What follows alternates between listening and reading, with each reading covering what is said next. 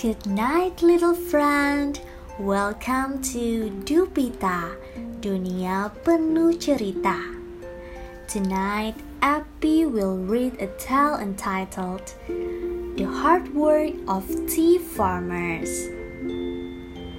So please lie down, pull out your blanket, and prepare a glass of your favorite warm milk. Enjoy!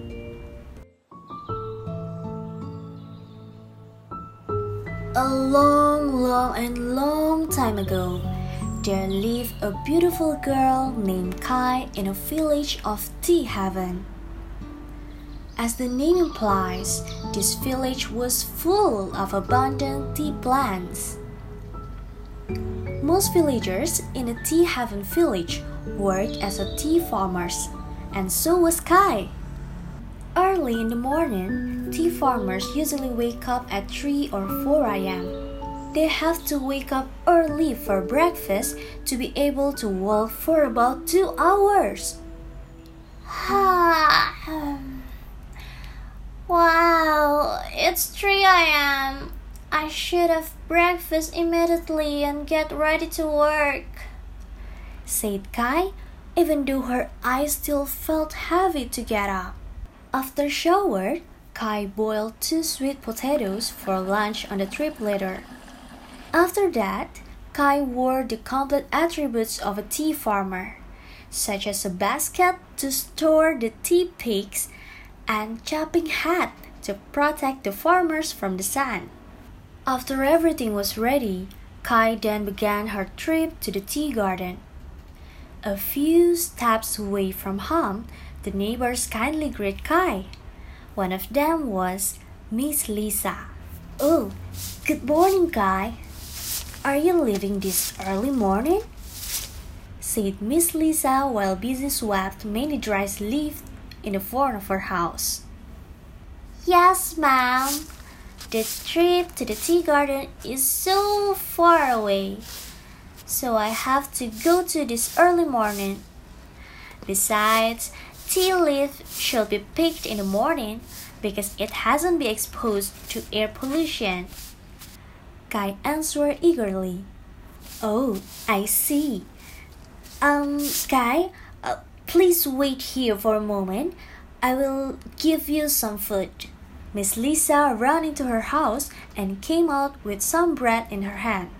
Wow, thank you so much, Miss Lisa. Thank you. Kai replied and felt so happy. Kai was well known to all villagers in the village of Tea Haven. Kai was also known for her generous and helpful nature. Meanwhile, Kai had a best friend named Ricky. Every day, Ricky also worked as a tea farmer. Even though his house was not so far from the tea garden, Ricky always chilled and being late to go to work. Luckily, the trip to the tea garden had to go through Ricky's house, so that the kind hearted Kai always stopped by to wake him up. Ricky, wake up! Ricky, wake up! The sun will rise really soon. Ricky didn't answer. And finally, Kai decided to continue her trip to the tea garden before the sun became increasingly hot.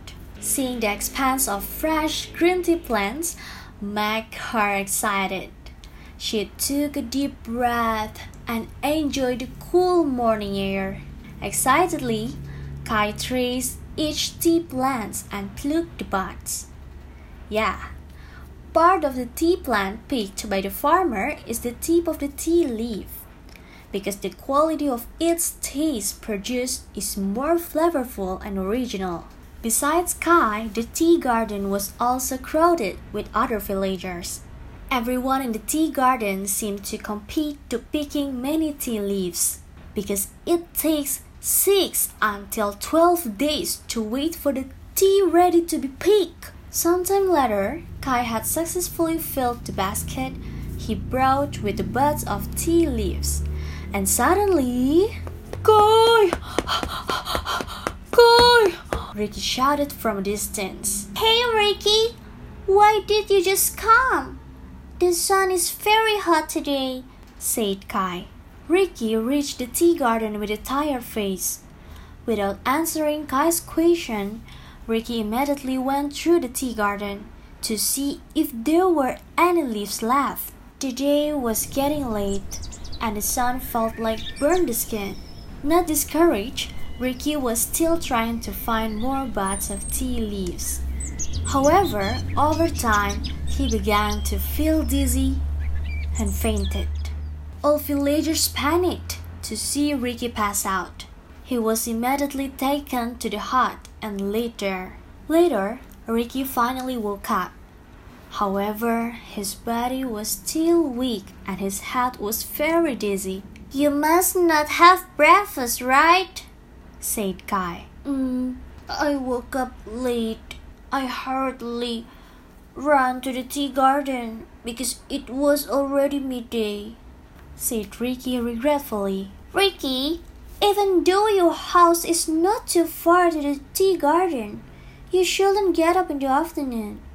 Look, all the villagers have been flocking to pick tea leaves since early morning, and now the shoots, even nothing left. It have been taken by other farmers, and you can't work when your stomach is empty. You will feel tired and faint easily like that. Don't rip it again, please, Kai advised. Ricky just nodded sadly. Day will come. Kai still has to bring the buds of the tea leaves he picked to the withering place. Kai got money because of her hard work. She saved all of her money for savings and she used the rest for her daily needs. Meanwhile, Ricky went home and cried because he didn't bring anything.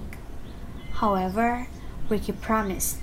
Tomorrow, he will work really, really hard and get up early. Well, the moral message of Epi's story is don't be lazy and procrastinate when doing something, so you don't regret it later on. Please look forward to another exciting story next week. Good night, little friend. Have a nice dream.